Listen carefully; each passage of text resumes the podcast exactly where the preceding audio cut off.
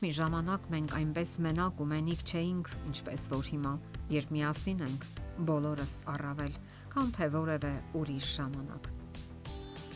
Այս լողերը պատկանում են Պարույր Սևակին։ Ինչ եք կարծում, կարող են երեխաները միայնակ մնալ։ Գուցե զարմանալի հնչի, սակայն այո, երեխաները նույնպես հաճախ միայնություն են զգում։ Եվ այն էլ մեր օրերում, հսկայական զբաղվածության ու հասարակական թվացial աշխույժ եւ շարժուն կյանքում երեխաները ոչ քիչ դեպքերում տարապում են միայնության եւ լքվածության զգացումից։ Հիմնախնդիրը ավելի շատ ընտանեկան է։ Ընտանիքներում աղետալի կերպով չի բավականացնում ժամանակը բացակայում է անկեղծ ի սրտե դեմ առ դեմ խոսքն ու շփումը։ Եվ սրա զոհը դառնում են երեխաները։ Հանում շատ բանի ծնողները հրաժարվում են գլխավորից։ Աշխատանք, զբաղվածություն եւ պարզապես երեխաների հետ զբաղվելու ցանկության բացակայություն։ Բայց չէ որ գլխավորը մեր մերձավորն է, հարազատները եւ իհարկե մեր երեխաները։ Նրանք այնքան են փափագում մեծահասակների ներկայությունը, եւ նրանց հետ փոխհարաբերությունները։ Մեծահասակների համար ամենասիրելի մերձավորներից մեկը երեխան է։ Խնդիրն այն է, որ մենք դիտավորյալ չենք անուշադրության մատնում մեր երեխաներին։ Մեր ժամանակի մեծ մասը անցկացնելով աշխատավայրում չենք հասցնում հարմարվել, վերակառուցվել սեփական ընտանիքում եւ ժամանակը աղետալիորեն առաջ է ընթանում։ Մենք զրուցում ենք երեխաների հետ այն բաների մասին, ինչն իրականում խնդիրներ է առաջացնում մեզ համար։ Նրա գնահատականները, ուսումնական գործընթացը, նրա առողջությունը, վարքագիծը, նույնիսկ հակոստների, կոշիկների ամբողջականությունը եւ այլն։ Եվ մոռանում ենք ամենակարևորը՝ նրա սիրտը։ Ինչու է փակ մնում դեպի երեխաների հոգին տանող ճանապարհը։ Մենք նմանատիպ հարցեր ենք տալիս երեխային։ Ինչպես են գործերը դպրոցում Ճաշին ինչ ես կերել։ Դասերդ պատրաստել ես, հոգնած ես։ Եվ բնականաբար ստանում ենք նմանատիպ պատասխաններ։ Նորմալ է։ Ոչ։ Ինչպես միշտ եւ այլն։ Այսպիսի մեխանիկական շփման դաշտը մեծահասակներն են ստեղծում եւ դա նպաստում է երեխայի միայնության զգացումի ձևավորմանը։ Նա սկսում է այսպես դատել. Հայրիկն ու մայրիկը պարզապես գործ չունեն ինձ հետ Ինչ է անհրաժեշտ երեխային համակողմանի զարգացած եւ առողջ լինելու համար։ Երեխայի կարևորագույն պահանջներից մեկը իրեն սիրելի մարդկանցից սիրված ու գնահատված լինելն է։ Դա է պատճառը, որ նրանք հաճախ են հարցնում. Ես լավն եմ կամ դու ինձ սիրում ես։ Սա շատ կարևոր է երեխայի համար եւ նրա դրթապաճառներում հենց դա է ընկած։ Նա կարող է անընդհատ ստուգողական իրավիճակներ ստեղծել նույնիսկ հրահրել, որովհետև հոգու խորքում նա ցանկանում է ստուգել մեծահասակների վերաբերմունքը իր հանդեպ։ Իսկ փորձառու խելամիտ ծնողները կարող են ապացուցել, հաստատել իրենց սերը, հարգանքը երեխայի հանդեպ նրանով, որ ժամանակ հատկացնեն, զբաղվեն իրենց երեխայի հետ։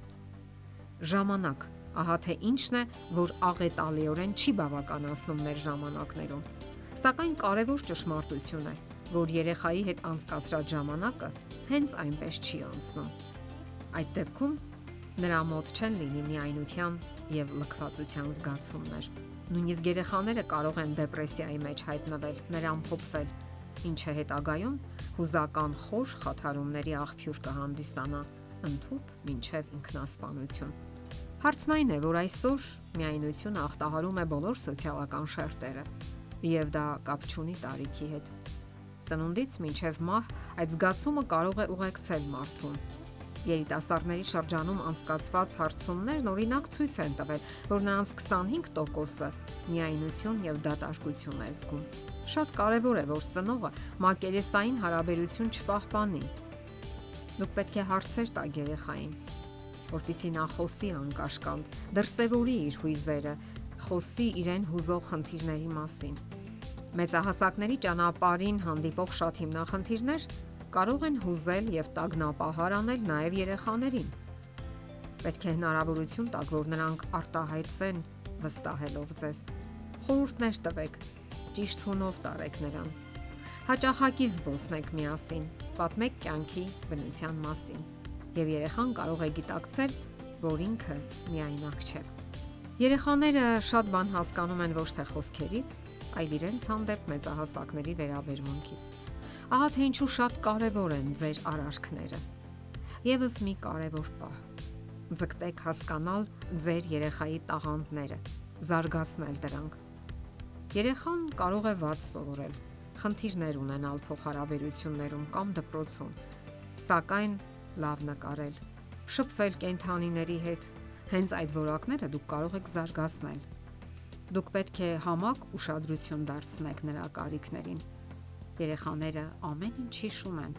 ինչև իրենց կյանքի վերջին օրերը։ Դրա լավագույն օրինակը նշանավոր գրող Մարսել Պրուստի պատմվածքներից մեկի հետևյալ հատվածն է։